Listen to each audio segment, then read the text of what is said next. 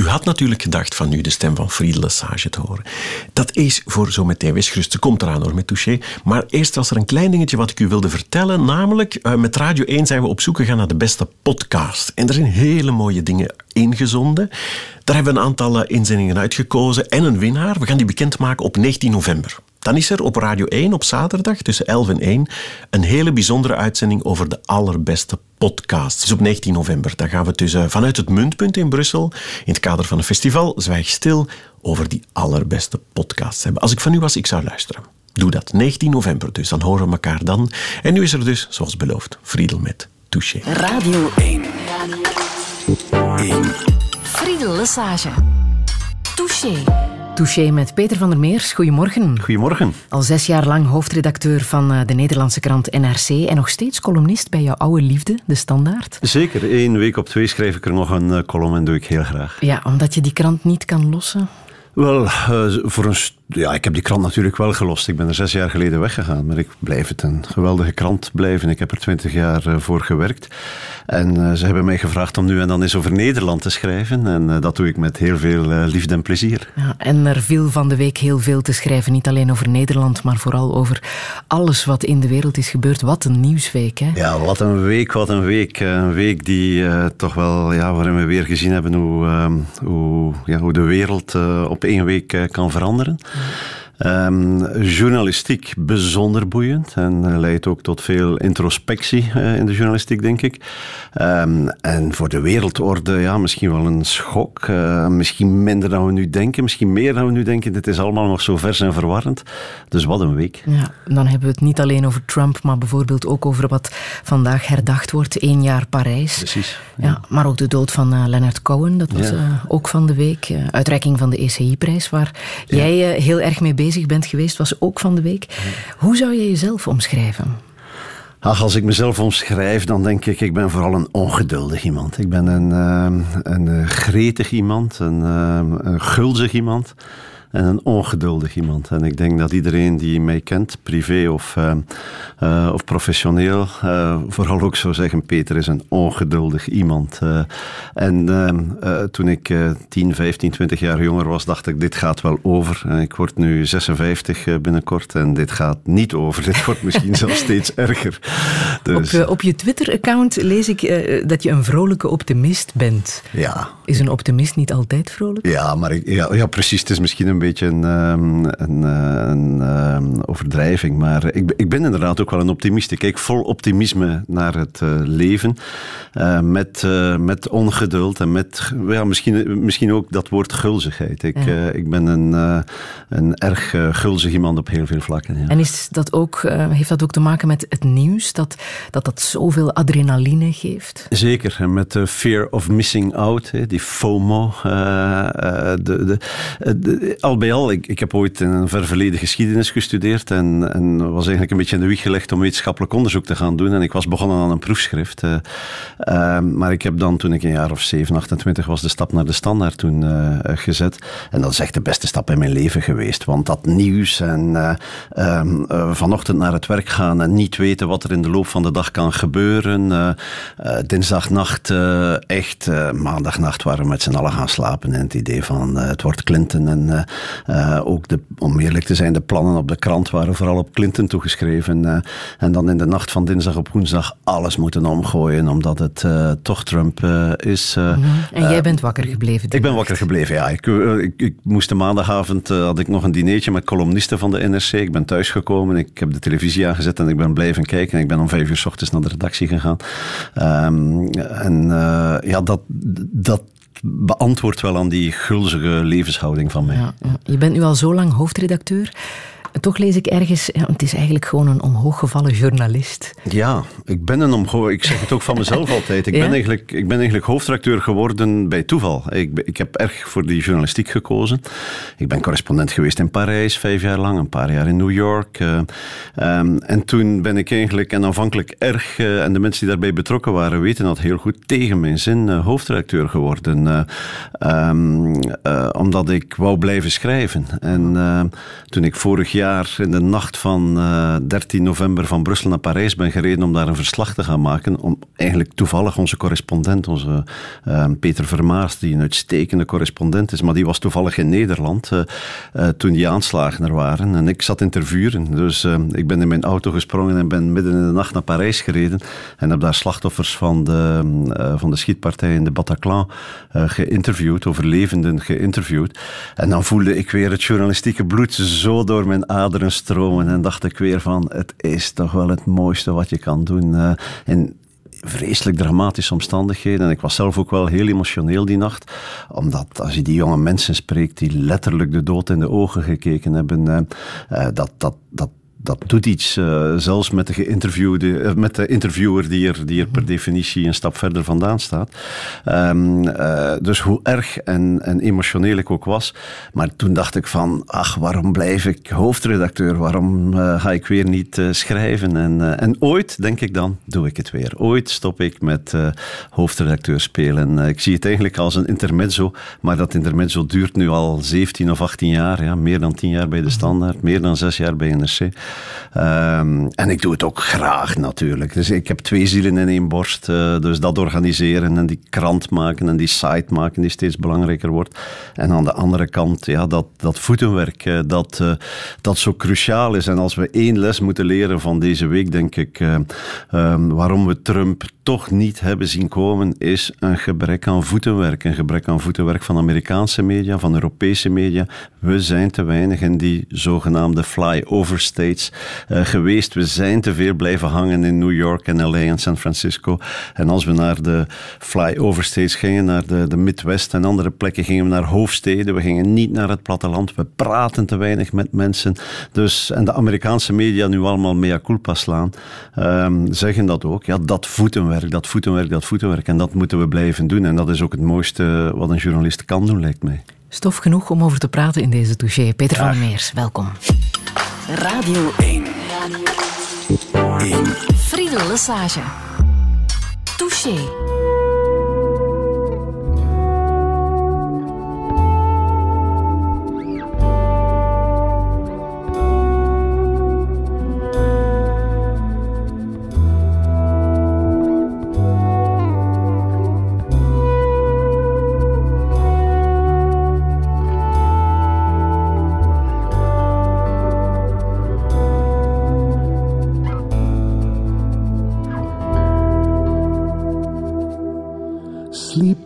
child.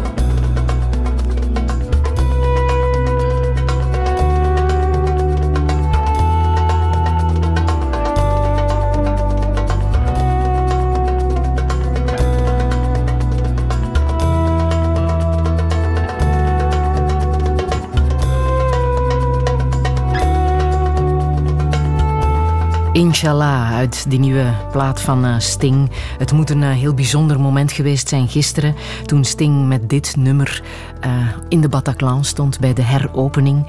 Precies een jaar na de aanslagen in eh, Parijs. Ibrahim Malouf was er trouwens ook bij, bij dat concert. Peter van der Meers, ehm, je zei het zo net, hè, jij bent een jaar geleden naar Parijs gereden vanuit Tervuren toen het nieuws binnenliep. Wat weet je nog van het moment dat het nieuws binnenliep?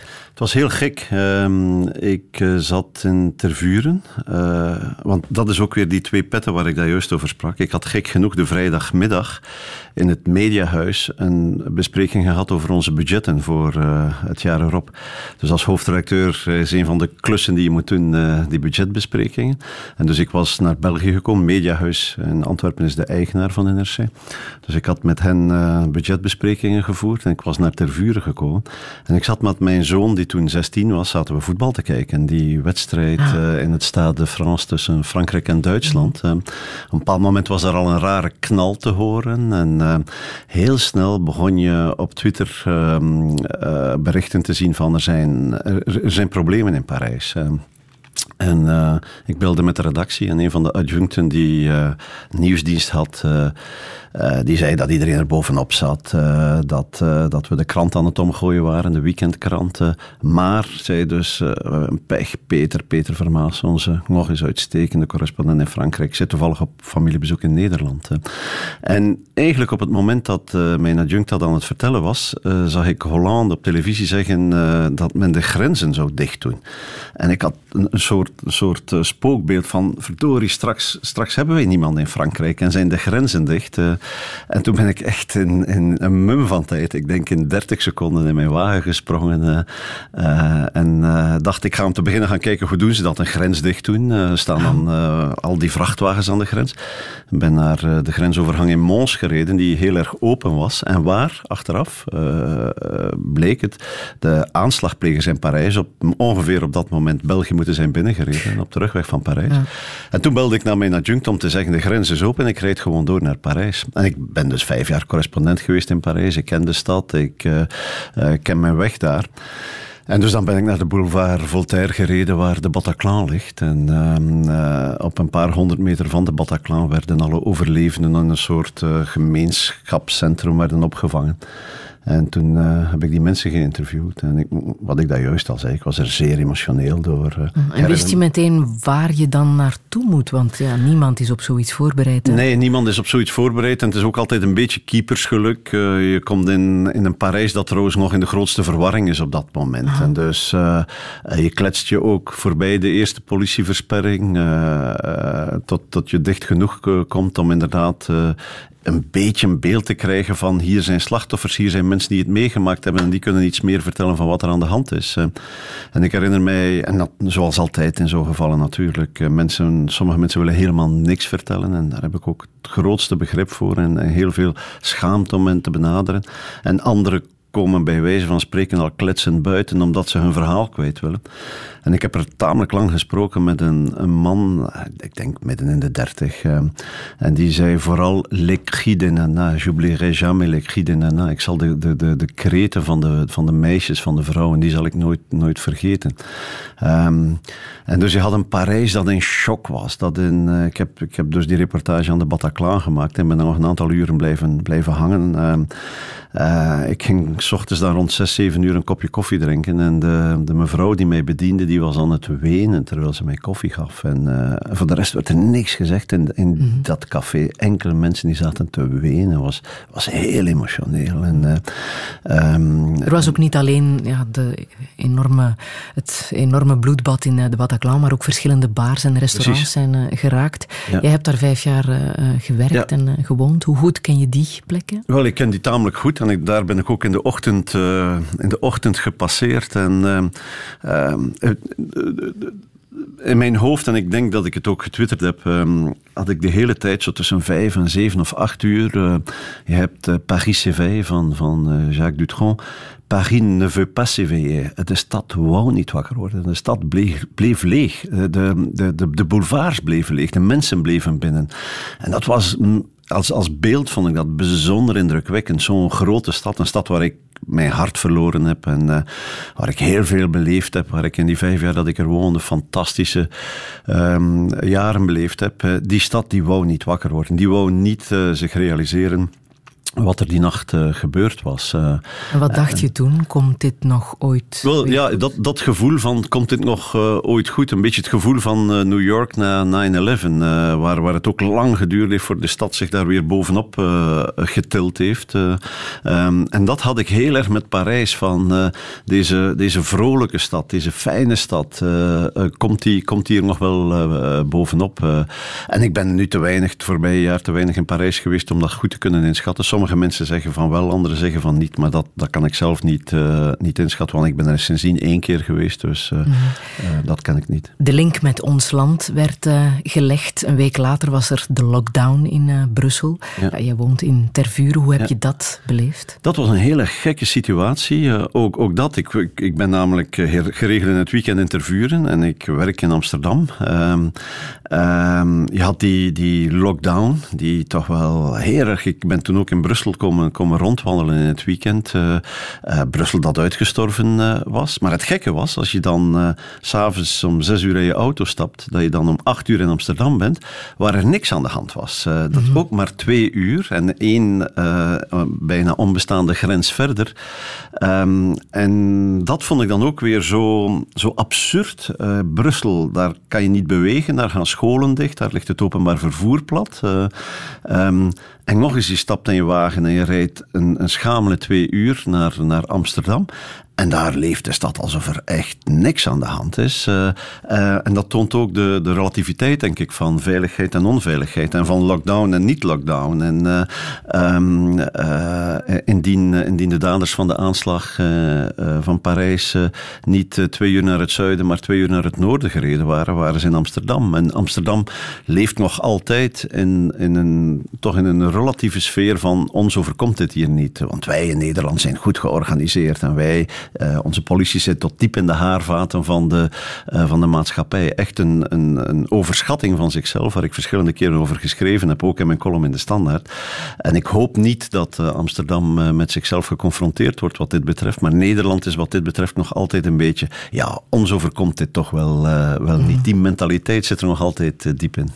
Wat heb je daar als, als journalist uit geleerd? Uit wat er in Parijs is gebeurd? Is er iets veranderd in jouw journalistieke besef? Ja, mijn journalistieke besef is daar vooral ehm, eh, ook, ook als de, de journalistieke machteloosheid. Ik denk de machteloosheid van de politiek en de machteloosheid van de politie eh, ten opzichte van die aanslagen. eh. Ehm, ook journalistieke machteloosheid. En waar, waar ik dan altijd mee in zit, en we komen er straks ongetwijfeld nogal, nog wel op terug, ook deze week met Trump, journalistieke machteloosheid.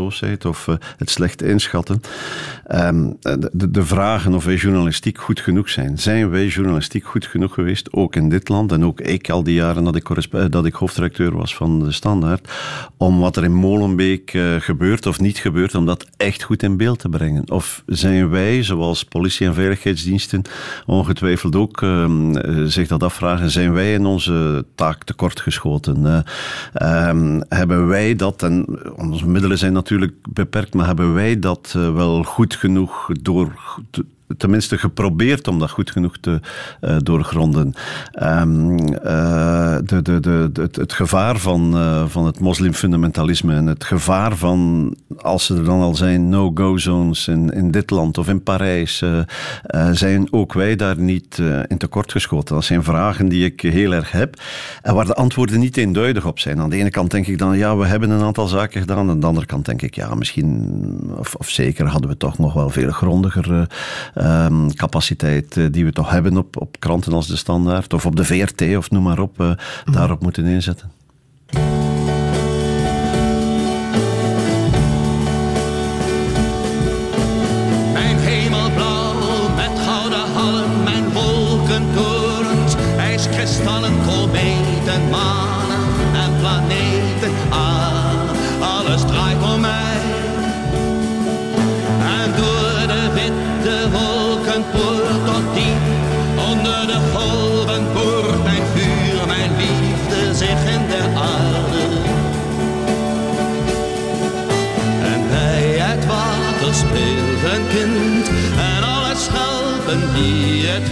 Gaan blinken als ik wacht.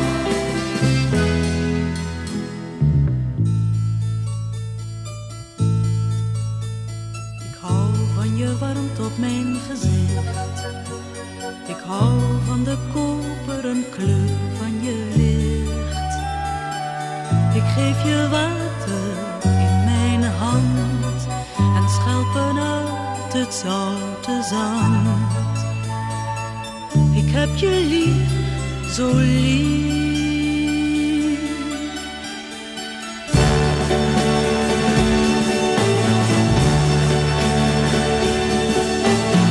scheur de rotsen met mijn stalen verhoogde meren. In de dalen en onweersluchten doe ik vluchten aan als de regen valt. Verberg je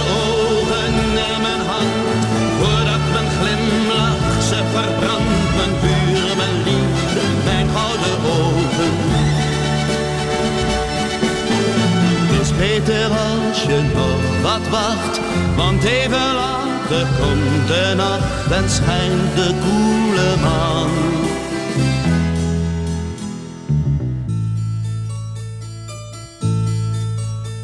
De nacht is te koud, de maan te grijs. Toen neem me toch mee naar je hemelpaleis. Daar wil ik zijn, alleen met jou en stralen in het hemelblauw. Ik heb je lief, zo lief.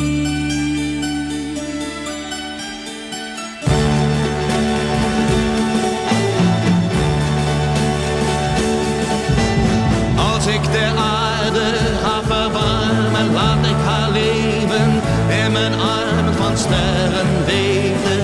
Ik het verre aan, het noorderlicht. Ik ben het leven en de dood in vuur en liefde in alle tijd. Mijn kind, ik troost je, kijk omhoog. Vandaag span ik mijn regenboog, die is alleen voor jou.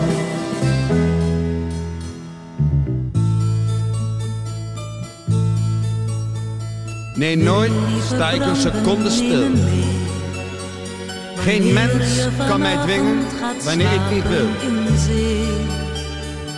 Geen leven dat ik niet begon. Je kunt niet houden van de zon. Ik heb je lief, zo lief.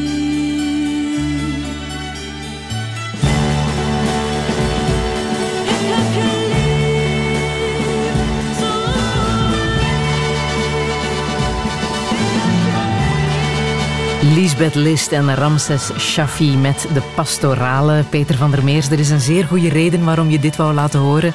En niet alleen omdat het bovenaan geëindigd is bij de Lage Landenlijst. Nee, jou- Het brengt mij terug naar mijn jeugd. Eh, Deze Ja? plaat hadden we thuis eh, bij mijn ouders, eh, die nu intussen 4 en 82 zijn. Eh, ehm, ja, dat is, eh, dat is teruggaan naar eh, het West-Vlaanderen van mijn jeugd met de oude platenspeler eh, en luisteren naar Shaffi en List. En het blijft zo'n mooi liefdesliedje. Het, het doet mij denken aan mijn ouders en eh, aan, aan die jeugd in West-Vlaanderen. Maar de Lage Landenlijst hebben we ook een beetje aan jou te danken. Ja, de Lage Landenlijst, daar heb ik een gemaakt. rolletje in gespeeld. Ja, wa- waarom? Omdat Frits Spits, bekende Nederlandse radiomaker, een jaar, anderhalf jaar geleden een grote lijst gemaakt had van de 90 beste Nederlandstalige liedjes. En eh, daar schreven we ook over in NRC en we publiceerden zelfs die hele lijst. eh. nou, er bleken drie Vlaamse liedjes in te zitten. Raymond zat erin en, en nog twee, eh, Clouseau met één nummer. en ik maakte mij zo druk van hoe erg toch dat een, Nederlander zegt 90 beste Nederlandstalige liedjes en zit er ocharme drie Vlaamse liedjes. En achteraf heeft Frits mij trouwens gezegd dat het een persoonlijke keuze was. En, en ja, geen kwaad woord over Frits, die een fantastische man is. Ehm, en ik heb mij toen onder andere op de Wereld Door zeer boos zitten maken over die, die, eh, die oogkleppen van de Nederlanders, die niet in een aantal gevallen kijken naar die fantastische dingen in Vlaanderen. En de Taalunie heeft het dan opgepikt en deze radio heeft het opgepikt. En daaruit is die heerlijke lijst ter lage landen gekomen. Er is nu zelfs een cd van die ik graag aan jou wil Ah, daar geven. ben ik blij mee. Eh, Peter van der Meers. Ehm, en die je misschien ook thuis kan afgeven. Hè? Want er werd wel Nederlandstalig chanson eh, gedraaid dan. Ja, eh, precies. Er wordt, ja, er wordt heel veel eh ja, Boudewijn de Groot en eh Milkools en eh, wat het, de kleinkunst die heerst toen nogal bij ons thuis. en ook veel Franse chansons. En waarmee Ja. had dat te maken? Ik weet het niet. eh, misschien een persoonlijke voorkeur van mijn eh, ouders, die alles wat eh, rock en pop was, maar niks vonden. Ik mocht lange tijd van mijn vader geen platen kopen van Dylan en zo. Dat moest ik dan in het geheim doen. eh. Ehm, eh, het, het was het, ja, ik kom uit zo'n, zo'n denk ik, klassiek. Vlaams, relatief kleinburgerlijk, maar heel warm eh, en, en, en prettig, eh, prettig nest. Waar ook de waarden van de Vlaamse, van de Vlaamse kunst en cultuur werden meegegeven. En, en de, de, de Nederlandse chansonniers en Toon Hermans, Sonneveld, noem maar op, die behoorden er allemaal bij. Ja, jouw vader was rijkswachtofficier. Hè? Ja. Ja. Ja. Heeft dat invloed gehad op wie jij bent geworden Wel, mijn op een vader of andere was, manier? als ik 14 of 15 was en in volle puberteit eh, was, zag ik dat misschien minder. Maar mijn vader was een hele fijne, brave ehm, eh, rijkswachtofficier. Geen sabelvreter en geen eh, hele verstandige man die erg van kunst en cultuur hield en, en houdt. en die dat probeerde mee te geven aan zijn, aan zijn kinderen. En dat op een hele mooie manier heeft, heeft meegegeven. en die met name ook die aandacht voor, voor kunst en cultuur, maar ook. En in die zin een, strenge, mooie, ja, ik, ik zie het een beetje Vlaams klassieke opvoeding. De, eh, de maatschappij, eh, je moet wat doen met je talenten. Hè? Een beetje de, de, de, de, de parabel van de talenten uit de Bijbel. Als je talent hebt, dan moet je daar iets mee doen. En, eh, je mag je de lamp niet onder de korenmaat zetten. Of je, moet, je, moet, je, je- hebt een verantwoordelijkheid naar de gemeenschap waarin je opgroeit. Dat zijn toch wel heel erg mooie waarden die ik meegekregen heb. En eh, waar ik ook wel heel blij om ben dat ik die meegekregen heb. En jouw liefde voor geschiedenis, van wie heb je dat? Wel, die liefde voor geschiedenis die is vooral door een eh, collegeleraar ingegeven. En eh, ik blijf zoeken naar methodes, ook in de krant, om meer eer te betuigen aan eh, mensen in het onderwijs. We hebben ooit bij NRC een rubriek gehad die te vroeg is afgevoerd. De leraar die jou heeft beïnvloed om aan allerlei BN'ers, bekende Nederlanders, te vragen door wie ben je geworden, wie je geworden bent. Ehm, en in veel gevallen wordt dat, dat is een leraar uit de middelbare school. En in mijn geval is dat een leraar, Fons de Witte. Dat was een, een, een, een leraar die op het Sint-Lodewijks College in Brugge, waar ik eh, de laatste jaren van mijn humaniora deed, die geschiedenis gaf op een ongelooflijk inspirerende en geïnspireerde manier. En, Hoe eh, deed hij dat dan? wel, hij deed het om te beginnen. eh, het is een beetje Dead Poets Society, waar, waar het, het boek gescheurd wordt. Ehm, eh, ik denk ook letterlijk dat hij. ehm, eh, maar, maar misschien ben ik mij beginnen inbeelden achteraf. Maar ik, ik herinner mij een moment dat hij met het handboek gooide. Eh, en eh, ja, het handboek is niet belangrijk. Het is die leraar met zijn ziel en passie en liefde. En eh, ik, ik groeide dus op in Brugge die laatste jaren van mijn humaniora. Die zond ons de stad in. En die zei letterlijk woensdagmiddag dat er les erin bestond het Gruuthuizen Museum te gaan bezoeken en het Memling Museum te gaan bezoeken. En ik kwam voor het eerst in die musea in opdracht van die leraar, maar ik zag daar Memling. En, en toen dacht ik van, ja, dit is het dus. Dit, dit is geschiedenis. En, uh, en ik, ik wist meteen, ik heb hem twee jaar gehad in die humaniora, ik wist meteen, ik ga geschiedenis studeren. En ik ben die man nog altijd och zo dankbaar. En ik denk dat hij staat voor ongelooflijk veel uh, Vlaamse of Nederlandse uh, leraren, uh, um, wat het ook zij, of het nu wiskunde of geschiedenis of, of filosofie is. En als je kan, schrijf je er ook over, hè? want je hebt een, een stuk geschreven over de geschreven oorlog. Het boek dat is samengesteld en gemaakt door Erwin Mortier. Ja. Um, Waarom vind je dat zo belangrijk? In dat uitgerekend daarover nog eens een stuk. Ja, in, in mij zit natuurlijk. Uh, mijn grootvader was een. Uh, dus de vader van mijn. Mijn vader was een officier in de Rijkswacht. Maar zijn vader was een onderwijzer in Torhout. Uh, en, en dan spreken we over het interbellum. En de periode dat de onderwijzer en de pastoor. en de notaris en de burgemeester. Het, het, min of meer voor te zeggen hebben. en dat lerarenbloed, dat zit denk ik wel in mij. En ehm, ik ik, ik vertel graag, met name over geschiedenis. Ik, heb, ik was heel trots dat ik voor de Wereld Door vorig jaar eh, zeven keer tien minuten in primetime, en dat lijkt weinig, maar dat is heel veel, over de Eerste Wereldoorlog les mocht geven. En ik heb de Nederlanders die niks weten van de Eerste Wereldoorlog, want ze waren neutraal, maar geprobeerd om te vertellen hoe belangrijk die oorlog was en welke impact die oorlog heeft gehad op ons allen. En dat die Eerste Wereldoorlog geleid heeft tot de Tweede. En wat er nu in Syrië gebeurt of in Oekraïne, daardoor voor een stuk te verklaren is. Um, en dus bijvoorbeeld toen dat boek De Geschreven Oorlog nu uitkwam, wat een fantastisch uh, boek is met uh, van wel duizend bladzijden, allerlei getuigenissen over die, die grote oorlog. Toen heb ik in, in onze eigen krant nog weer eens een recensie geschreven over dat boek, mm. omdat ik het zo belangrijk blijf vinden om aan de volgende generaties, ook nu al lang geen getuigen meer van die oorlog zijn, te blijven vertellen wat oorlog is en, en hoe dat beleefd is uh, en welke impact dat heeft. en dan staat inderdaad weer die, die historicus in mij op en die leraar geschiedenis die mijn, uh, mijn grootvader uh, ooit uh, ongetwijfeld was, dan probeer ik die verhalenverteller te zijn. Mm, dat is gelukt.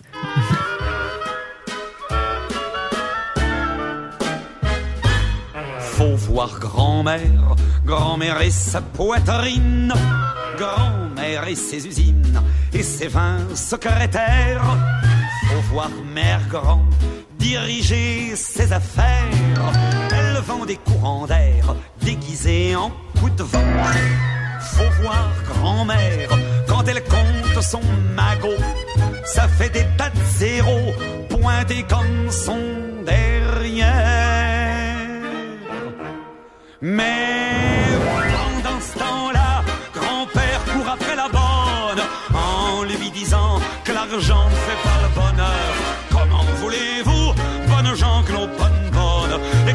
petits épargnants aient le sens des valeurs. Faut voir grand-mère, c'est une tramontane qui fume le Havane et fait trembler la terre. Faut voir grand-mère, cerclée de généraux, être culotte de peau et gagner leur guerre faut voir grand-mère dressée sous son chapeau. C'est Waterloo où serait pas venu Blücher. Mais pendant ce temps-là, grand-père court après la bonne en lui disant que l'armée, elle bat le beurre.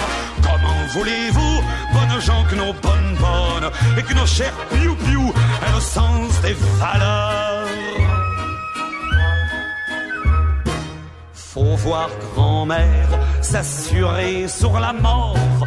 Un petit coup de presbytère, un petit coup de remords. Faut voir grand-mère et ses ligues de vertu.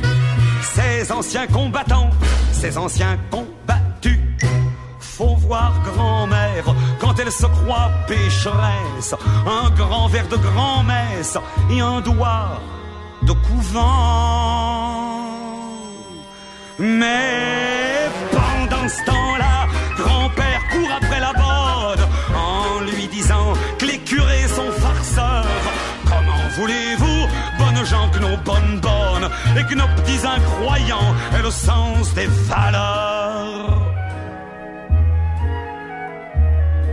Mais il faut voir grand-père dans les bistrots bavards où claquent les billards et les chopes de bière.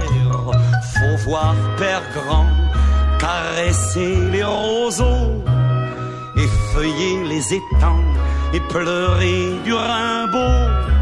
Faut voir grand-père dimanche finissant, honteux et regrettant d'avoir trompé grand-mère. Mais pendant ce temps-là, grand-mère se tape la bonne en lui disant que les hommes sont menteurs. Comment voulez-vous, bonnes gens, que nos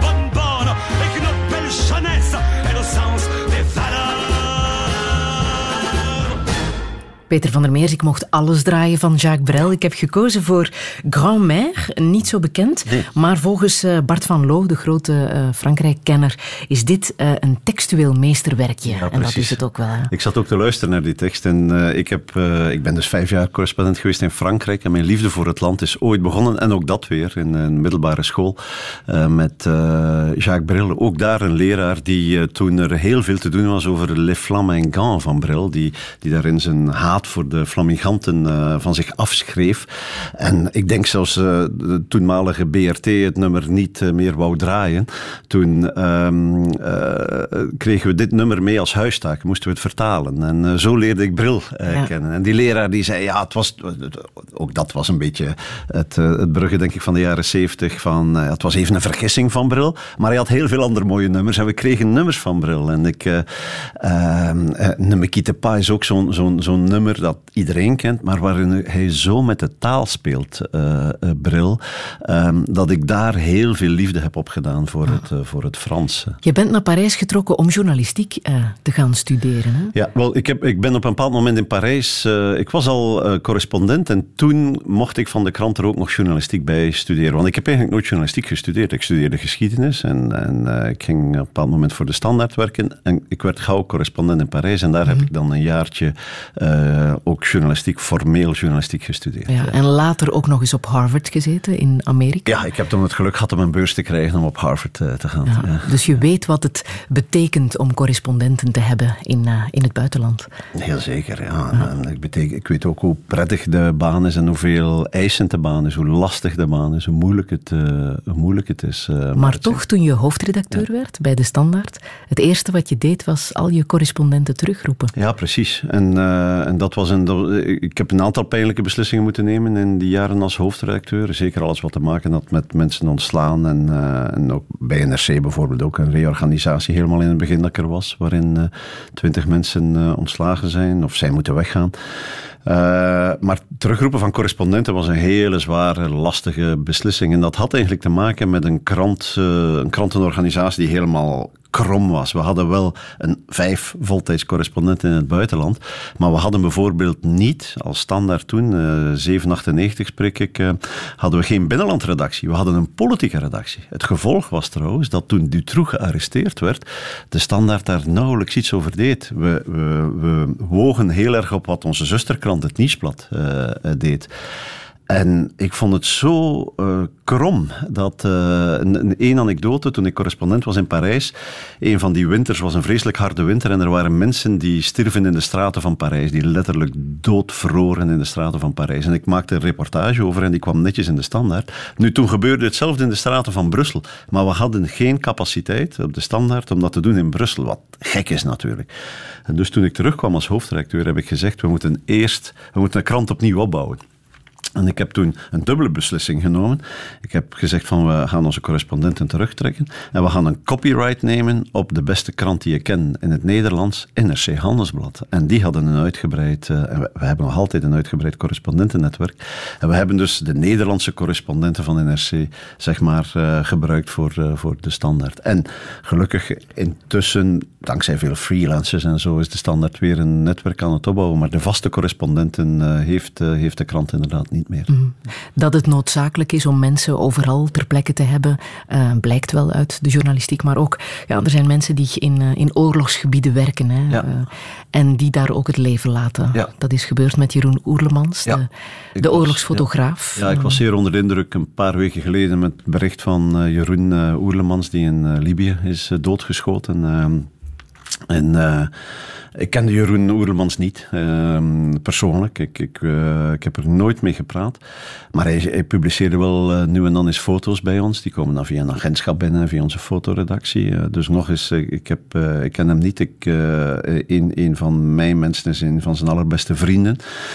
Maar, maar de dood van Oerlemans brengt weer heel dichtbij dat um, uh, het besef uh, dat uh, als, we, als we zien wat we zien over Libië of over Syrië of over Irak, als daar beelden van gemaakt zijn, als daar informatie van naar buiten komt, dat dat in veel gevallen is door die boots on the ground van, van dat soort mensen. En in die zin was ik heel blij. En sommige mensen dachten dat ik de opdracht gegeven had, wat helemaal niet het geval was. Maar onze um,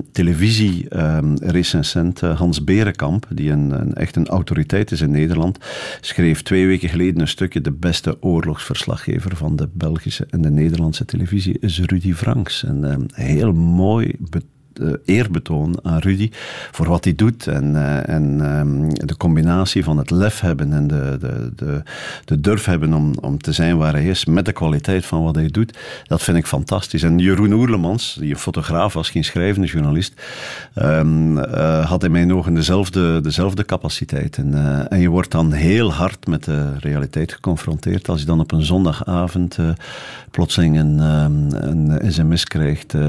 het is nog niet bevestigd maar naar verluid zou, zou Oerlemans zijn doodgeschoten. Ja, dan, dan wordt het heel even uh, zwart en stil en, en lastig. Mm.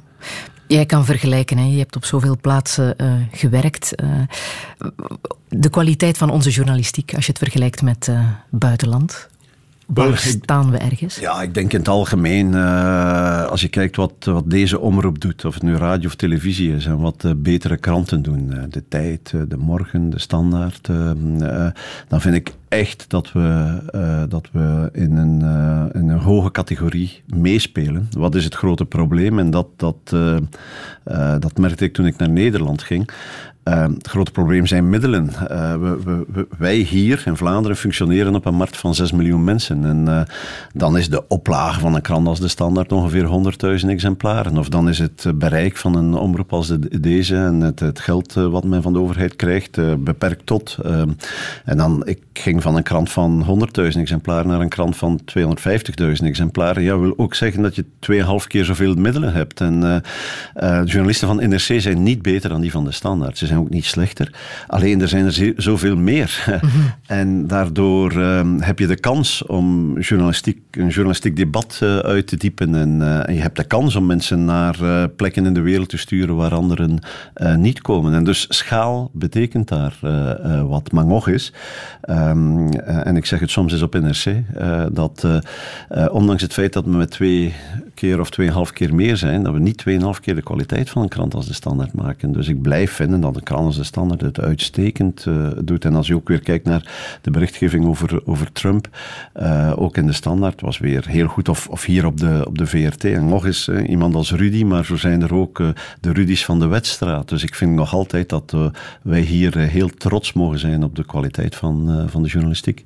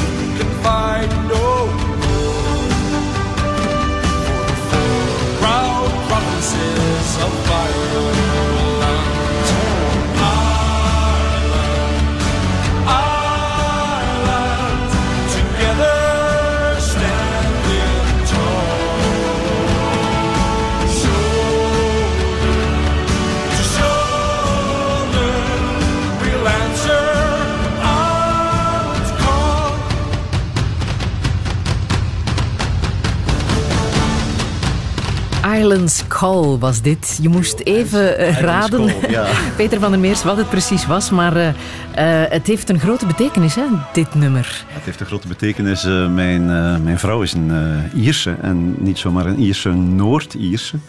En dus onze zoon, die nu 17 is, is half Iers, half Belgisch. En is bijzonder trots op dat Iers zijn. Dat zit ook echt in zijn bloed. En eh, een van de gevolgen van zijn Iers zijn is dat hij rugby is gaan spelen. En dat hij een hele fijne rugbyspeler is. Dat ik via hem rugby heb leren kennen. En als Ierland rugby speelt, dan wordt dit nummer eh, eh, gedraaid, zeg maar, gezongen op het veld. Eh, heel mooi is. En, en Na het Nationaal Volkslied ja, trouwens. Hè? Ja, precies. Maar heel mooi is dat Ierland in rugby speelt met het Verenigd Ierland. Er is geen Noord-Ierland en Republiek van Ierland. Er is Ierland in, in rugby, wat eigenlijk fantastisch is. Eh, een land dat, eh, dat nu al zo lang nog altijd verscheurd is. En eh, ook met de brexit weer heel erg... de Noord-Ieren wilden echt bij Europa blijven. terwijl de Engelsen dat niet wouden. Dus dat, dat, dat Verenigd Ierland zijn rond die rugby is een, is een heel, heel belangrijk iets. En is dus ook voor een stukje doorgedrongen tot de familie van der Meers. Ja, wat bewonder je in, in de Ieren? Ik bewonder, eh, wel, ik, ik, ik weet niet of de bewondering is, maar wat mij ongelooflijk boeit in de Ieren, en daar hadden we het daar juist al een beetje over, is die geschiedenis. Alles in Ierland is doordrongen van eh, eh, geschiedenis. We hebben het hier wat minder gevierd natuurlijk, maar 1916, eh, 2016 is de Easter Rising. Ierland dat in opstand komt tegen eeuwen Britse verdrukking, dat neergeslagen wordt. Het zal pas een aantal jaar later een vorm van onafhankelijkheid krijgen. Elk met de Ieren is een gesprek waarin geschiedenis aanwezig is en taal. Hè. Mijn vrouw zegt altijd dat hij, Joyce, James Joyce was een Ier. En eh, eh, de, de, de, de mooiste, eh, het mooiste Engels wordt in Ierland gesproken, beweert zij. Maar zij is natuurlijk eh, behoorlijk chauvinistisch. en dus dat spelen met geschiedenis, taal, poëzie, daarvoor kom ik ook heel graag in Ierland los, los van middelmatige whisky en, en een goede Guinness.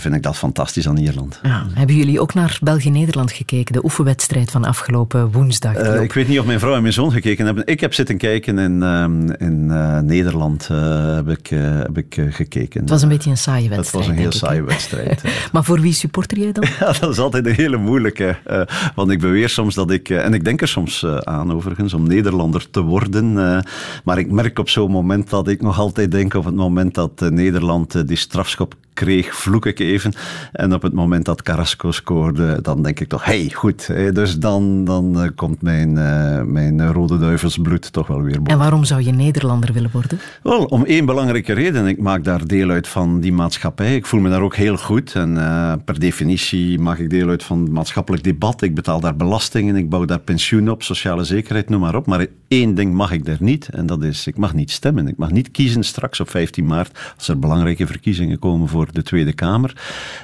Eh, dan sta ik wel aan de kant.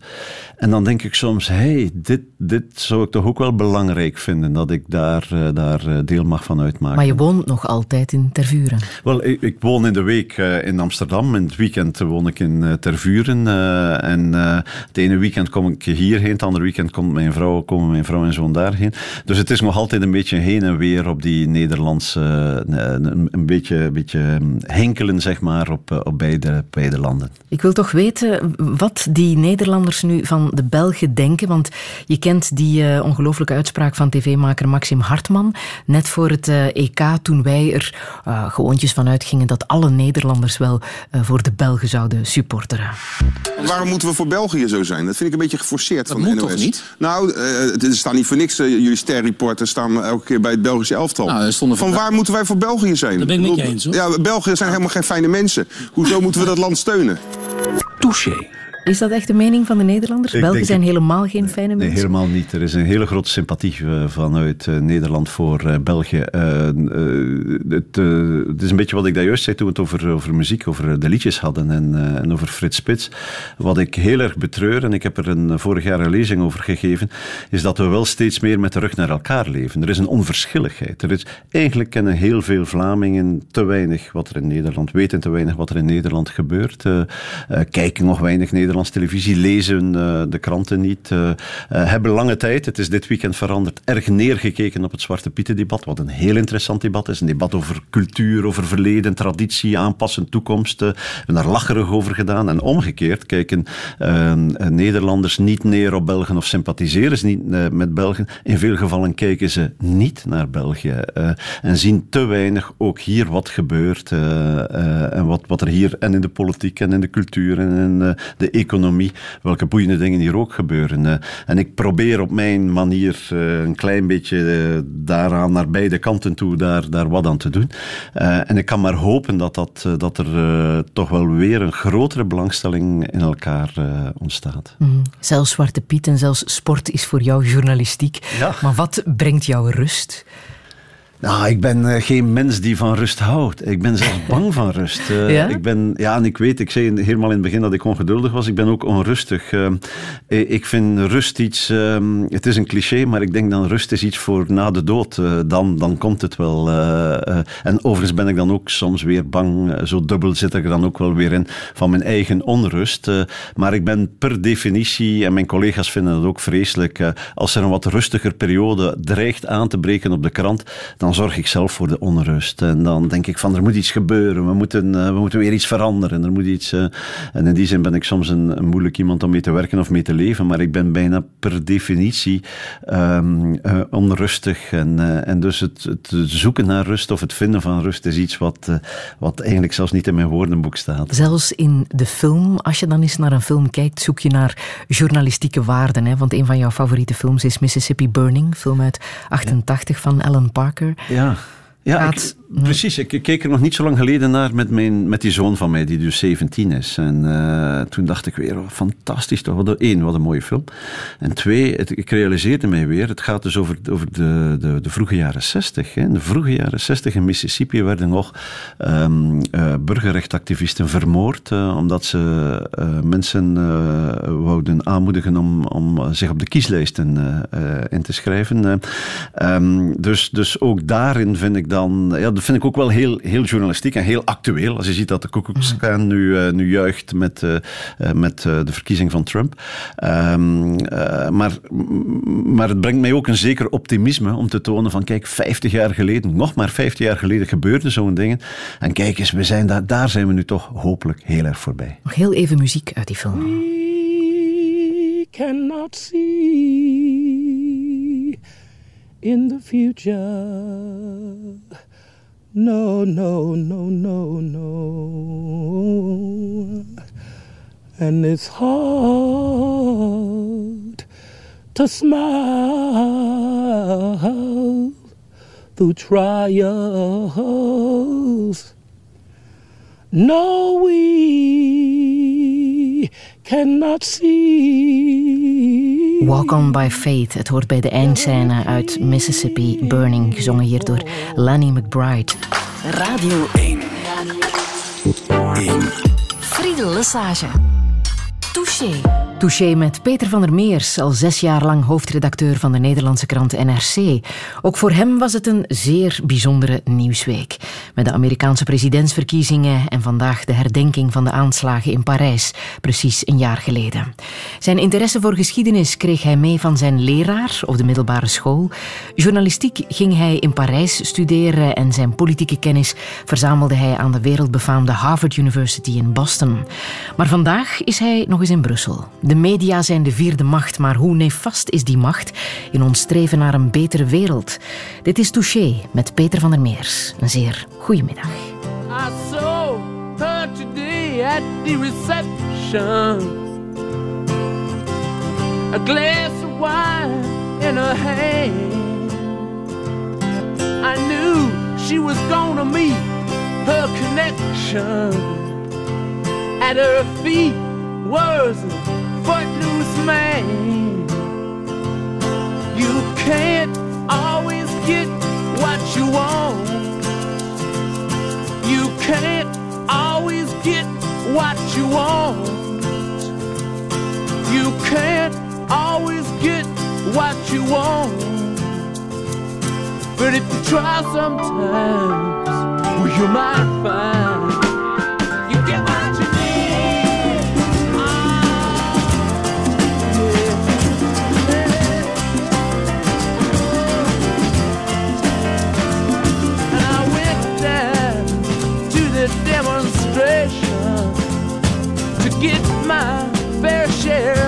the.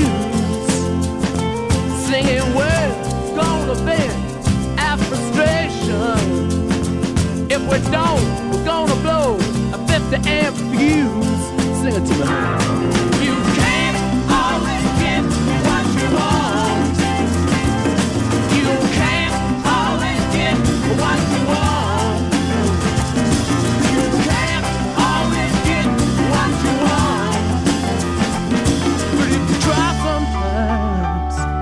Just might find you get what you need.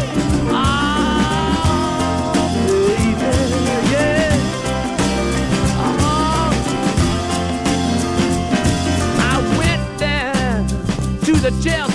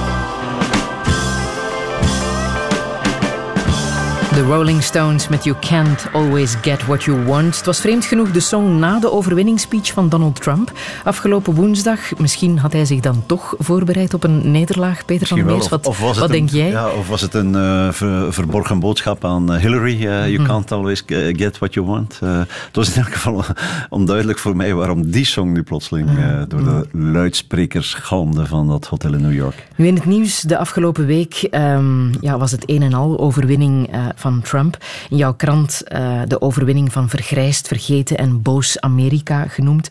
Zijn Trump-uitspraken kennen we ondertussen uit het hoofd, maar ik wil dit wel nog eh, even laten horen. I'm not running against crooked Hillary Clinton. I'm running against the crooked media. Zijn tegenstrever was niet Hillary Clinton, maar de onbetrouwbare media. En eh, dit zei hij ook nog. The good news is, I love, I, you know, I put down failing at New York Times. The newspaper's going to hell. They've got a couple of reporters in that newspaper who are so bad, with, I mean, lack of talent, but it's going to hell. So I think maybe what we'll do, maybe we'll start thinking about taking their press credentials away from them. You know? Maybe we'll do. De journalisten van de New York Times eh, spelen misschien hun perskaart kwijt als het eh, van Trump afhangt. Kan Trump de media die hem niet goed gezind zijn geweest de mond snoeren? Nee, dat kan hij niet. Ehm, de press credentials worden niet door de president of door de administratie gegeven. Eh, het is niet aan, gelukkig in ons systeem is het niet aan de eerste, tweede of derde macht om eh, eh, te beslissen wie en wat journalist kan. Maar toch zegt hij zijn. dit. Hij zegt dit en het is een van die vele uitspraken waar hij surft op, ehm, op wat populistische gevoelens. nu, ik zit er heel dubbel in. Ik, ehm, ik geloof echt niet dat het crooked media waren. Ik, het is niet zo dat er de grote samenzwering is eh, van eh, de media tegen Trump. Je kan de media, eh, de Amerikaanse eh, kranten, hebben de gewoonte om heel formeel eh, kamp te kiezen in, eh, de, eh, in verkiezingen. Dus eh, eh, de, de, de hoofdcommentaren kiezen op een bepaald moment, eh, of in dit geval, of voor Hillary of voor Trump.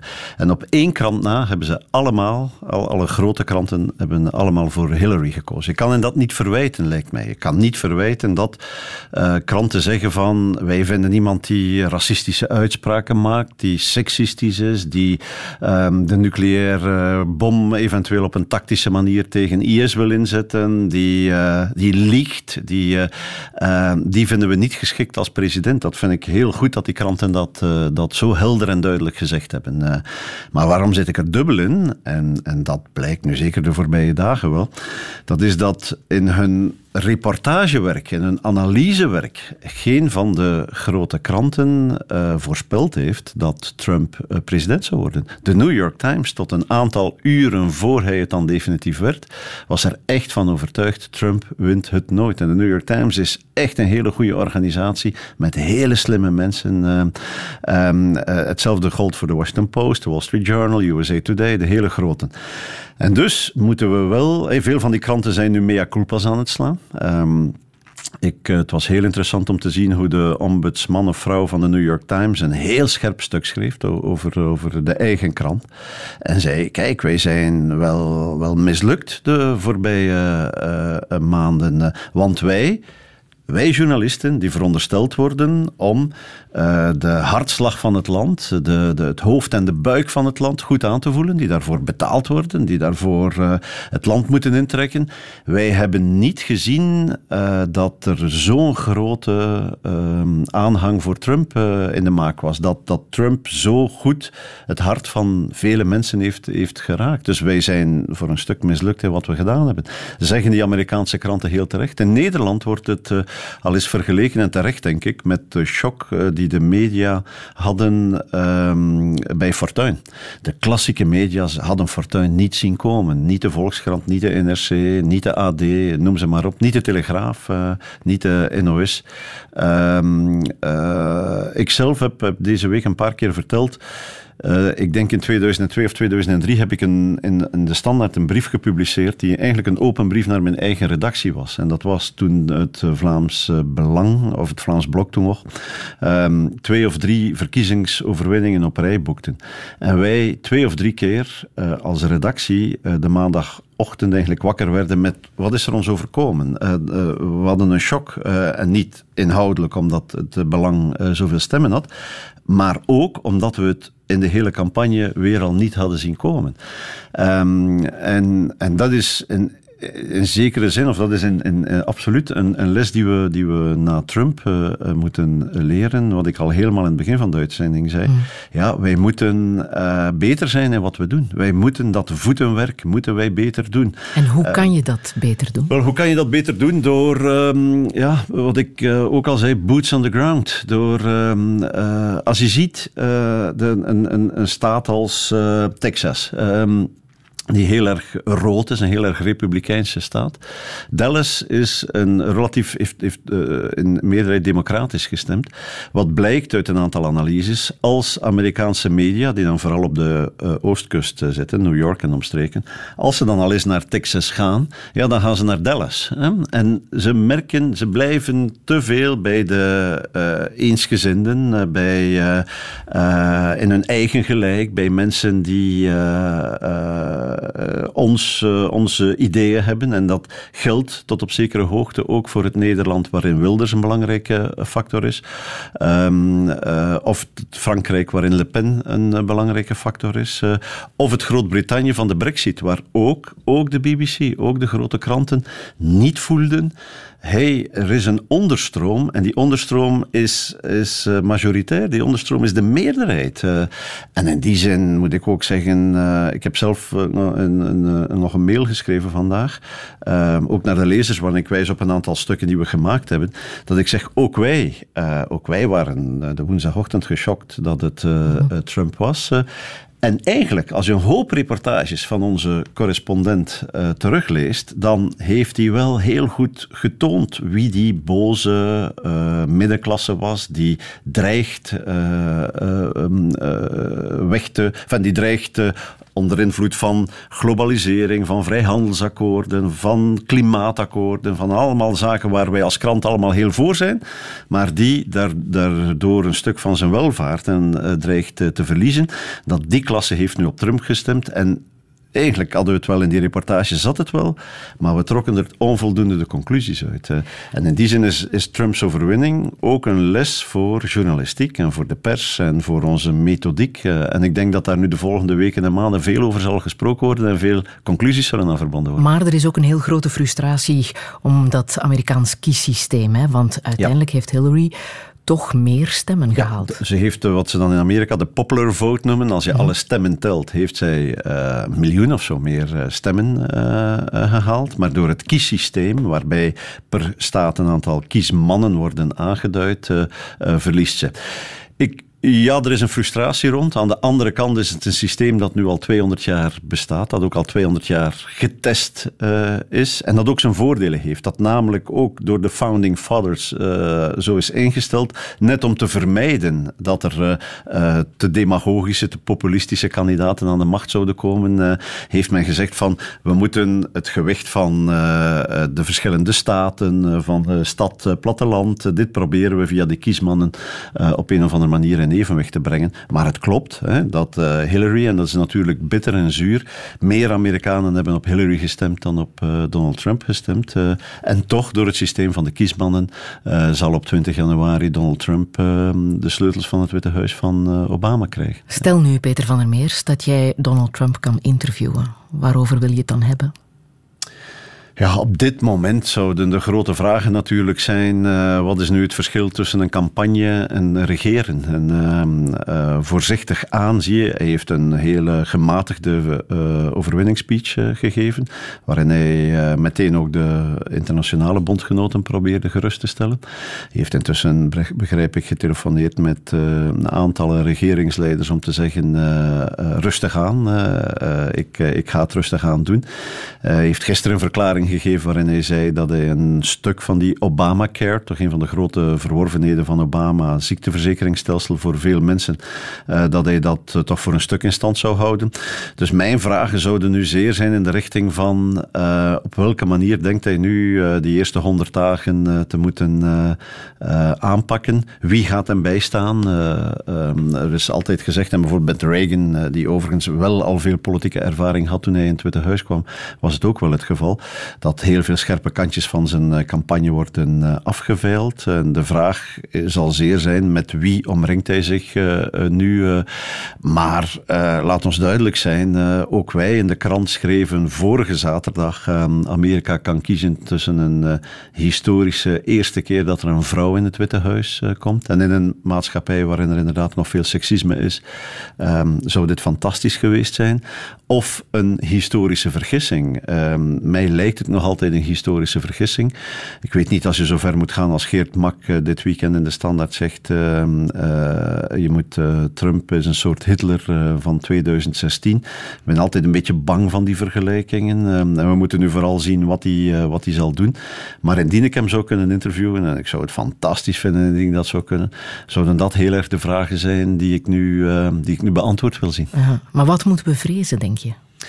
Wel, wat moeten we vrezen? Uh, een beetje wat Obama al zei. En het is natuurlijk ook een one-liner. Maar als je zag hoe Trump op Twitter zich uh, gedroeg. Uh, en midden in de nacht kon zitten twitteren. Eigenlijk als een soort ja, dronken teenager.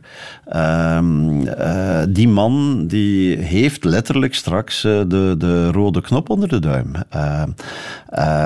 de wereldorde waarin we zijn opgegroeid. En die na de Tweede Wereldoorlog in stand is gekomen. En die ons heel veel veiligheid en welvaart heeft gebracht. Uh, die wereldorde dreigt toch wel um, ja, te kantelen of dreigt, uh, dreigt in elk geval een duw te krijgen. Uh, in het oosten hebben we een, een, Rusland van Poetin um, waar de onveiligheidsbarometer hoger staat dan ooit. enfin, ooit dan de jaren 50, 60.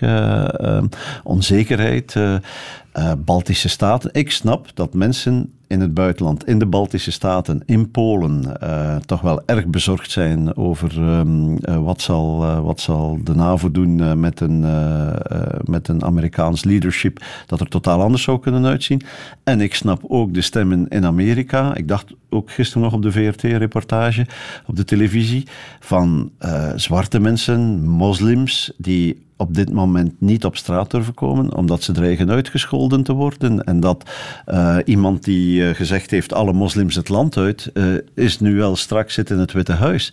Nou, dan zal hij maar moslim zijn in dat land. Dat, um, dat zijn toch allemaal tekenen waarvan ik denk van, dit, dit, dit is niet geruststellend. En nog eens, er zal ongetwijfeld een groot verschil zijn tussen campagne voeren en aan de macht zijn. maar dat, dat is toch wel schrikbarend. iedereen die met het klimaatakkoord uh, te maken uh, heeft. Uh, zijn grootste raadgever voor klimaat um, is een van de grootste klimaatskeptici. Ehm, nu, dit stadium zijn we eigenlijk voorbij. Het gaat, de, de, de, de ontkennen van de opwarming van de aarde gebeurde misschien nog 15 jaar geleden, maar nu is de wetenschap wel zo ver. Uh, en toch is de laatste die het ontkent, bij wijze van spreken, heeft straks het presidentiële oor. Dus, dus in die zin denk ik toch dat de wereld er een stuk um, onveiliger is op, uh, op geworden. En uh, Amerika voor veel minderheden, of het dan Latino's of zwarten of moslims zijn, um, veel minder interessant en veel minder, um, ja, veel minder great. Hè. Iemand zei mij, die ik belde in Amerika, make America America Great Again, uh, is het niet Make America White Again. Hè? En uh, was dus inderdaad een zwarte vriend van mij die het daar zei. Um, ja, als we weer in die toestanden terechtkomen, dan, dan moeten we ons inderdaad toch wel zorgen maken. En het zal onder andere aan die verdomde pers zijn, die crooked press, uh, zoals hij die noemt, uh, om dat uh, te tonen en op een eerlijke manier, in evenwichtig, maar als het nodig is aan de kaak te stellen en andere keren te zeggen dat hij dingen doet die, die we niet verwacht hadden en die misschien positief zijn. Dit is voor vier jaar, maar het is al gebeurd dat Amerikaanse presidenten vallen. Hè? Als we denken aan Nixon, dat ja, kan. Ja, wij Amerikaanse presidenten worden wel neergeschoten. Laat ons hopen dat dat niet gebeurt. Uh, voor alle duidelijkheid. wat ook, ook vreselijk zou zijn. Of inderdaad uh, blijven vier of acht jaar. Uh, of kunnen impeached worden. Een aantal mensen zeggen dat, hij, dat ze zullen een impeachment procedure inzetten. dat zullen we moeten zien. het is natuurlijk zo dat hij ook met een hele grote rugzak het Witte Huis binnenkomt. Dat er veel te doen is over zijn zakenimperium. Dat, dus dat zou kunnen, maar dat is nu allemaal, allemaal speculatie. Wat we nu al weten is, op 20 januari gaat hij de, de sleutels van het Witte Huis krijgen.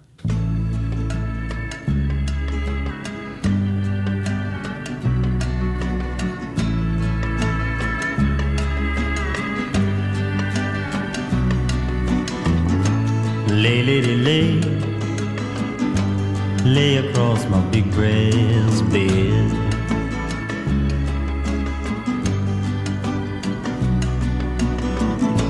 Lay, lady, lay lay across my big breast bed.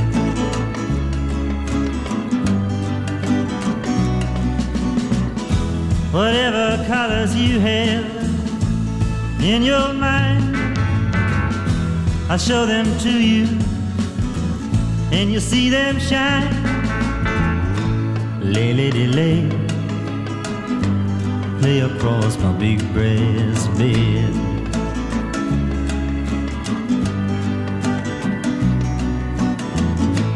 Stay, lady, stay. Stay with your man a while.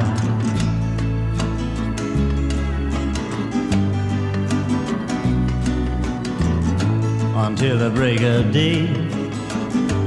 Let me see you make them smile.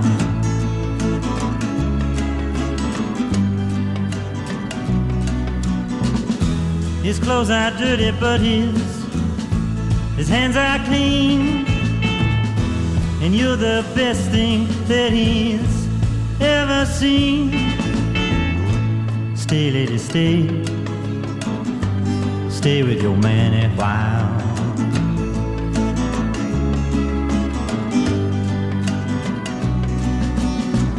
Why wait any longer for the world to begin? You can have your cake and eat it too.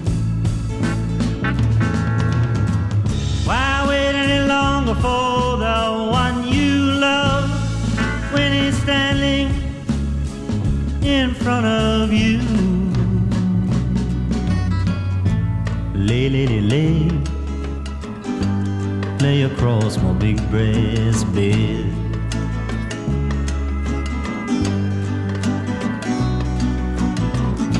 Stay, lady, stay. Stay while the night is still ahead.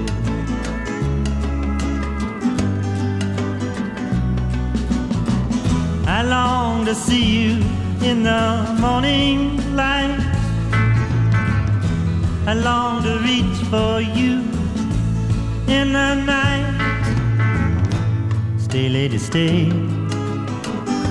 Stay while the night is still ahead.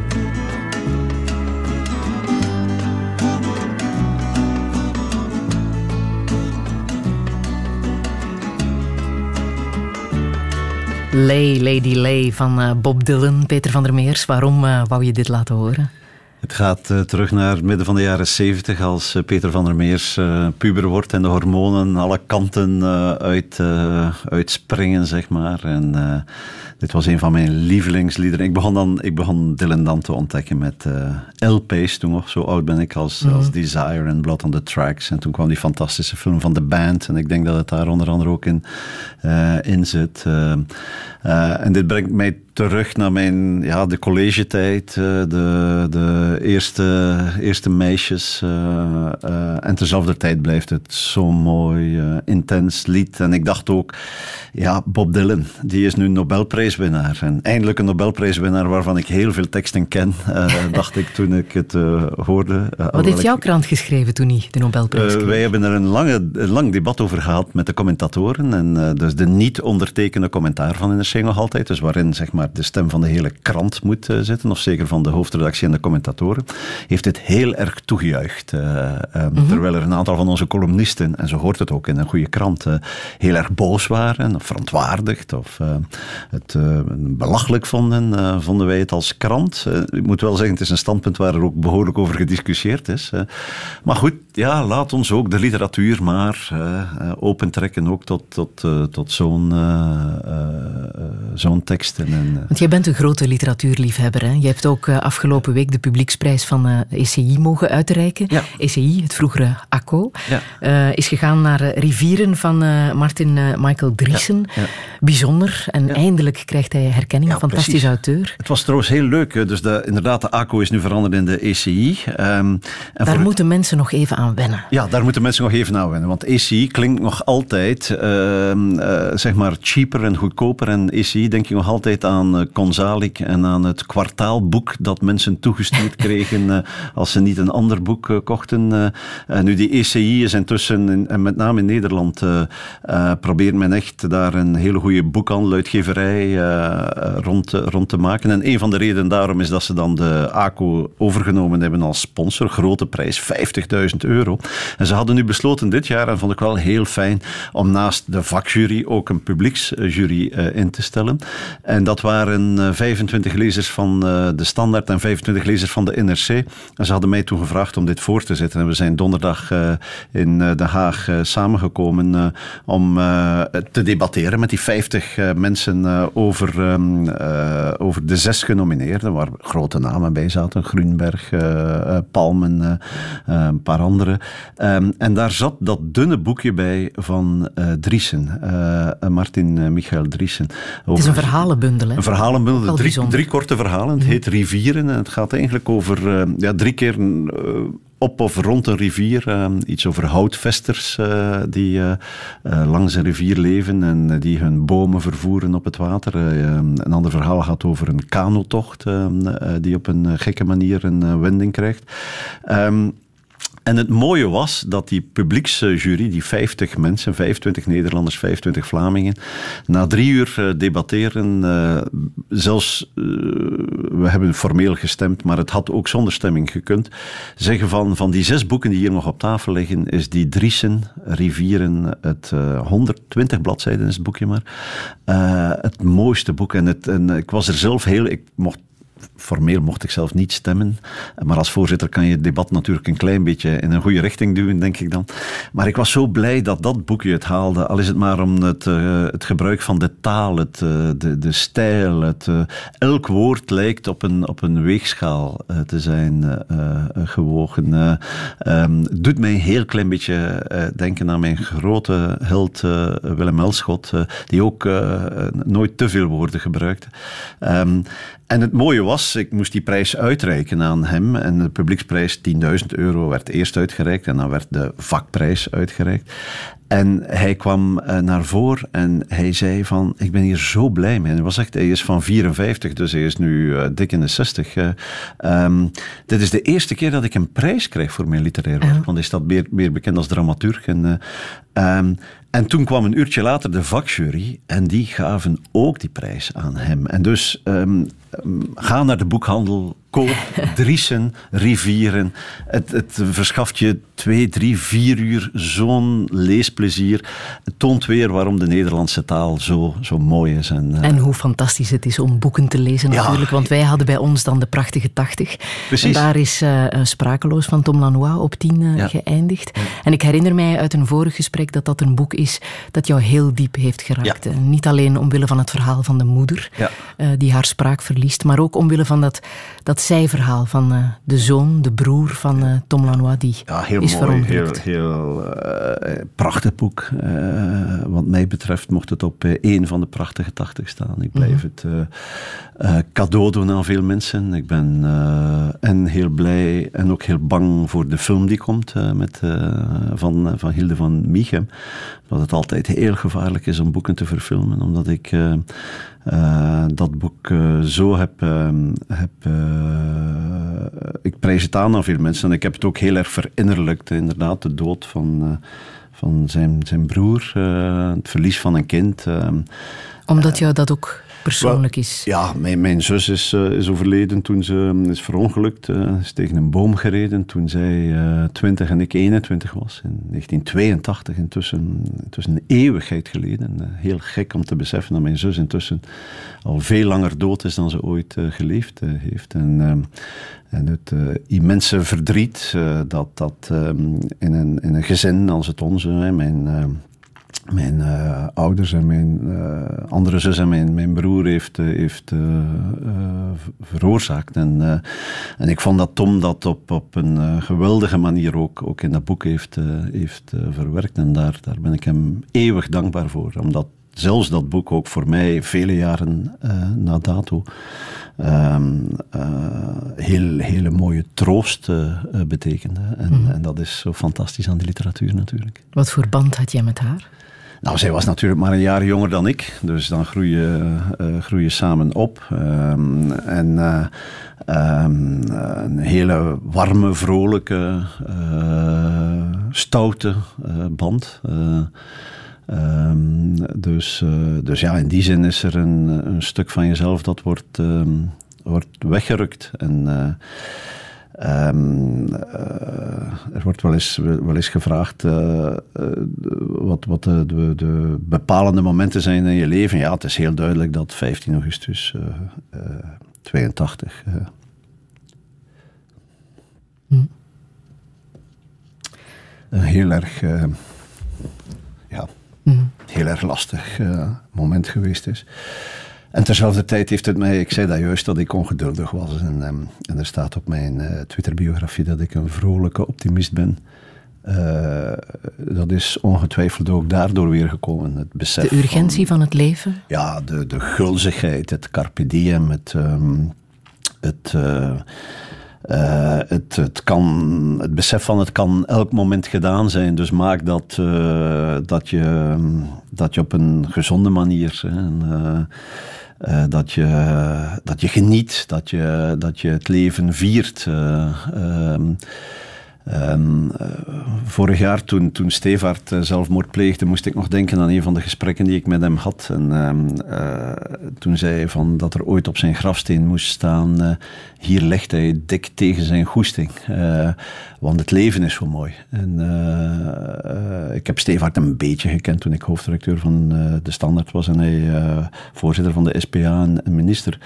Ehm, dus we hebben een paar gesprekken daarover, daarover gehad. dat heb ik ook heel erg, de, de, en dat is natuurlijk ook door die dood van Katrien gekomen, de gulzigheid in het leven en, en ook wel de vrees voor het einde op een bepaald moment. Maar dan wil ik kunnen zeggen, ik heb wel ik heb geleefd.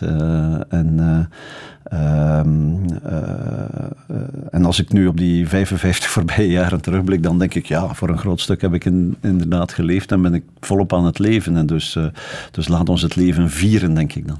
Je was op dat moment ook net vader geworden, hè? Ja, ik was toen, want ik was piepjong vader. Mijn oudste zoon is 35.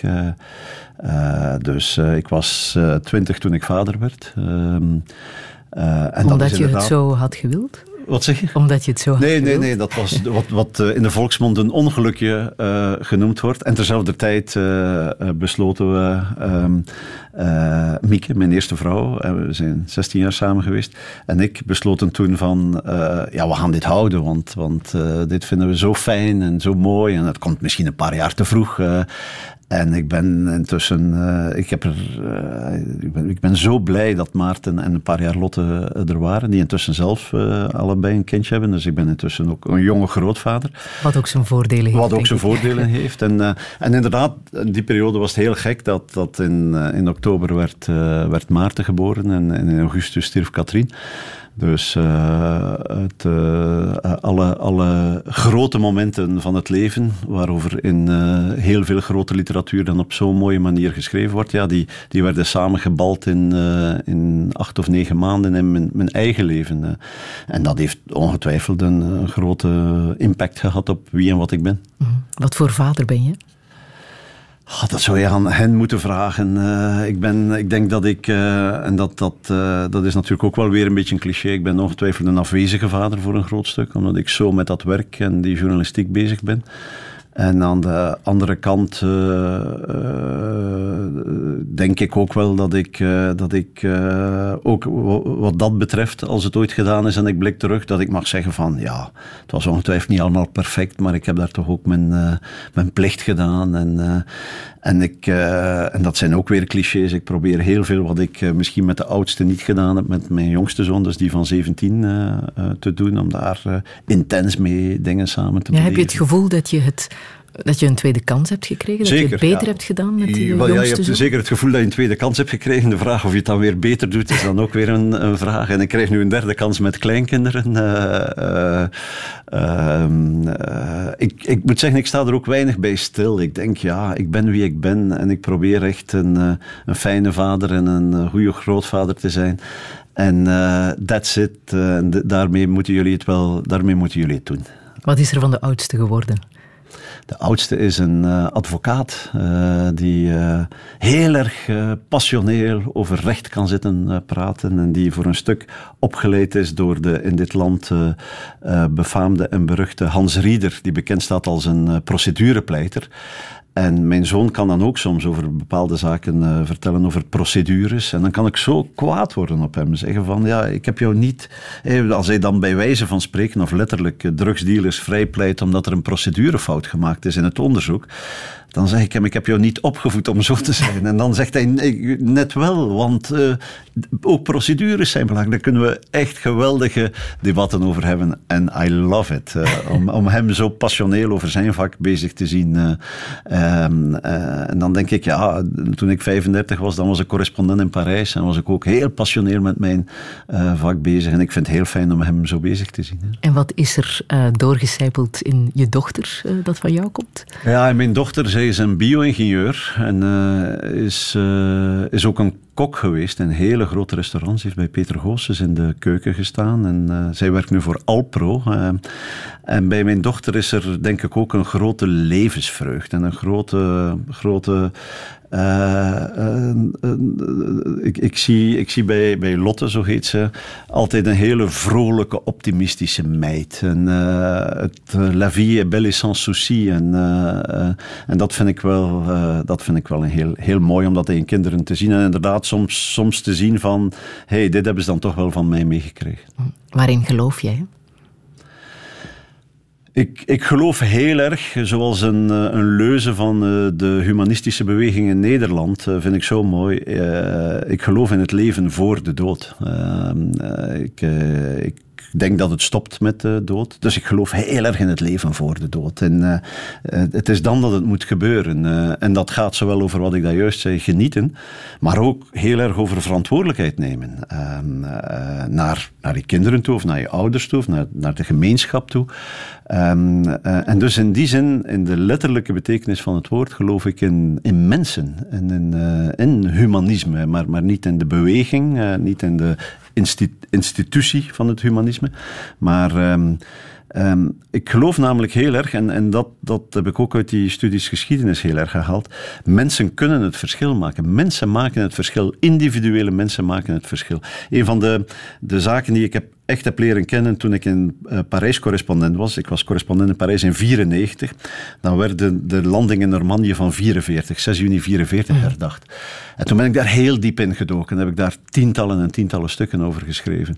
Um, en um, uh, toen heb ik ook weer beseft in zo'n gebeurtenis die zo immens is en zo uh, de, de, tragisch en zo belangrijk is en die meegeleid heeft tot de bevrijding van Europa uh, van het nazisme, Um, daar zijn individuele mensen die individuele beslissingen genomen hebben en die hebben mede de geschiedenis helpen veranderen. Eisenhower zelf moet in de nacht van 5 of 6 juni, hij is de opperbevelhebber van de strijdkrachten, hij moet beslissen, gaan we ervoor of gaan we er niet voor? En het, weer is heel slecht en uh, een aantal mensen zeggen, we kunnen er niet voor gaan, we moeten het uitstellen. En als ze het zouden uitstellen, zou het weer maanden later geweest zijn.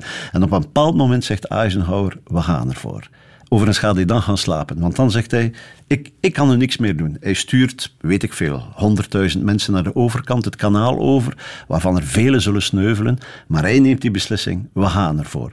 En tot en met die individuele soldaat die in zijn putje zit op het strand op Omaha Beach of Gold of Juno of een van die andere stranden, die individuele beslissingen genomen hebben, eh, dan denk ik van, de, de, de geschiedenis hangt aan elkaar van mensen die hun verantwoordelijkheid nemen of niet nemen, of die uh, links of rechts afgaan.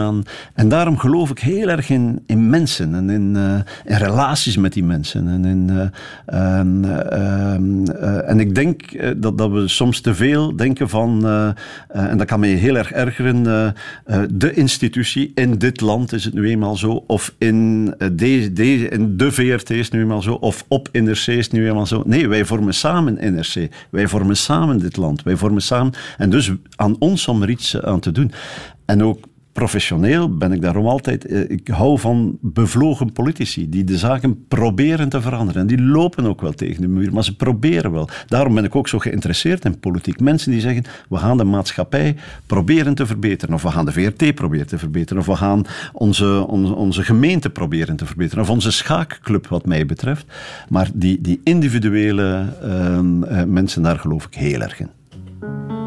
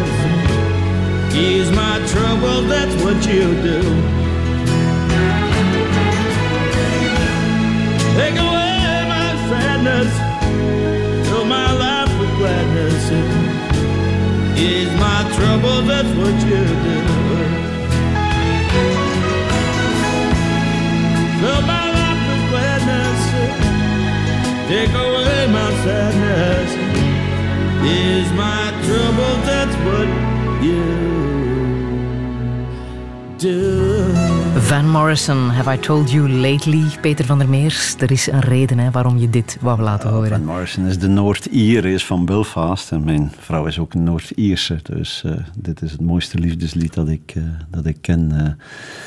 en dat natuurlijk voor haar is. maar misschien ook wel voor al die andere mensen aan wie je te weinig zegt. Van, I love you. dus misschien zeggen we dat wat te weinig. Het sluit aan bij wat ik Mhm. voor de song zei. van mijn geloof in mensen. En ik vind dit zo'n mooi lied. Het maakt mij helemaal week op deze zondagmiddag. Je zei het al, hè? volgend jaar word je 56. Ja. Eh, Wat zou je echt nog willen in het leven? Ach, dat is moeilijk om, eh, om te zeggen. eh, ehm, eh, het bleek ook, denk ik, uit, uit een stuk van het gesprek dat we voerden. Van, die journalistiek ligt mij echt heel na aan het hart. En echt eh, goede, goede journalistiek, eh, daar, daar nog stappen in zetten. Eh, ik, ik ben er echt van overtuigd dat een goede maatschappij, goede democratie, maar ook een goed functionerend economisch bestel, eh, sociaal bestel, cultureel bestel, dat dat goede journalistiek nodig heeft. En dat we, dat we dat onderschatten. Dat we dat onderschatten als maatschappij, dat we dat onderschatten als overheid. eh, als we het hebben over een publieke omroep. eh, eh, dat de zorgen over kranten die verdwijnen eh, en eh, een aantal kranten eh, zijn erin aan het slagen. En, en met name de kwaliteitskranten. Als ik zie op NRC, ja, onze, onze gedrukte oplage die daalt, maar onze digitale eh, betaalde oplage die stijgt. Dus ik maak me nog minst zorgen voor dat soort kranten. Eh, dus de standaard, ja, die, die, die overleeft het wel. Er zal altijd een publiek zijn dat bereid is in Vlaanderen om daarvoor te betalen. Of de tijd die overleeft wel. Maar die honderdduizenden mensen die bereikt werden met de journalistiek, of bereikt worden nog altijd van een laatste nieuws of een nieuwsblad, eh, overleeft die het? Ehm, daar maak ik mij zorgen in, want ik vind het heel belangrijk dat die mensen over politiek, over cultuur, over boeken. eh, ik zag dat eh, HLN.be een stukje gemaakt had over de ECI Literatuurprijs. Vind ik heel fijn dat een populaire site over zo'n prijs, hè, die Driessen die we daar juist bespraken, dat die daar aandacht aan besteden. Als dat zou wegvallen, dan wordt onze maatschappij gewoon armer en, eh, en minder interessant. En, eh, en daar een rol kunnen blijven in spelen uh, de volgende jaren. En je meent het dat je zelf terug zou willen gaan schrijven? Ik meen heel zeker, dat vind ik ook heel mooi. Overigens op NRC is een hele mooie grote traditie dat de ex-hoofdredacteur weer in de organisatie afdaalt, zoals het dan heet. Volker Jensma, die bij ons tien jaar hoofdredacteur geweest is, schrijft nu alweer tien jaar columns. En, uh, en dus weer nog eens een correspondentschap doen of, uh, of uh, onderzoeksjournalistiek doen. dat of een boek over journalistiek, komt dat er ooit? Misschien wel, alhoewel ik altijd een beetje bang ben. Ik ben een paar keer begonnen aan een boek over journalistiek, maar dan stel ik altijd vast, ik schrijf ook over mezelf. En ehm, van de heel veel dingen waarvan ik dan denk van, of waarvan ik schrijf, dit zou moeten gebeuren, denk ik dan, ja, waarom, waarom doen we het dan nu niet? En ik raakte, ik liep een beetje vast in en een speler zijn en een beschouwer zijn. Dus ik denk dat ik uh, op een bepaald moment uit de journalistiek moet stappen om dan dat boek te schrijven. En dan heb ik mij absoluut voorgenomen om dan vooral geen, uh, uh, geen zure schoonvader te zijn van vroeger was het beter. Want ik geloof echt in de journalistiek van vandaag. Het was vroeger niet beter. Ondanks alle fouten en de kritiek, uh, ook, ook nu op Trump-verslaggeving. vroeger was het niet beter. We hebben hele goede, hele rijke journalistiek. Ook wat ik al zei, ook in dit land. Welke boodschap wil jij hier nog meegeven? Nou, ik ben zo niet een man van, van, van boodschappen. Uh, um, als ik al een boodschap wil geven, is het misschien wat ik daar juist zei. Van, uh, aan, aan die luisteraars. Uh, van, bes, besef hoe belangrijk ook die vierde macht is. die, die, die journalistiek is. besef ook hoe moeilijk het vak is. ik heb ooit gezegd, ik denk toen nog op de standaard, we zouden eigenlijk elk stuk moeten beginnen met we weten er maar een heel klein beetje van, maar we denken dat het zo in elkaar zit. En elk stuk zo zou moeten beginnen. Dus ook de journalistiek moet bescheiden zijn. Wij journalisten moeten heel bescheiden zijn. En als, als, er, als we alweer een les gekregen hebben na Brexit, uh, was, het, was deze week met Trump en onze grote voorspellende analyses die we maken. Wij moeten heel bescheiden zijn. En als het publiek dan beseft dat er heel veel mensen echt heel erg um, hard en, en, en, en, en met een volle uh, hart en, en, geest bezig zijn met goede journalistiek proberen te plegen, als we dan een beetje dichter bij elkaar zijn gekomen, dan ben ik, daar, uh, dan ben ik weer een gelukkige Peter van der Meers. Ik wil nog graag eindigen met een fragment uit de cello-suites van Bach. Daar kan ik jou absoluut een plezier mee doen. Wat heb je met Bach? Ah, ik vind Bach de absoluut uh, grootste uh, componist die er uh, ooit, ooit geleefd heeft. En met name zijn cello-suites vind ik, en, en ik ben zo blij dat je ze draait, dat ze zeer troostend zijn. En op een dag als 13 november, een jaar na die vreselijke aanslagen in Parijs, dan denk ik volstaat zwijgen en luisteren naar Bach.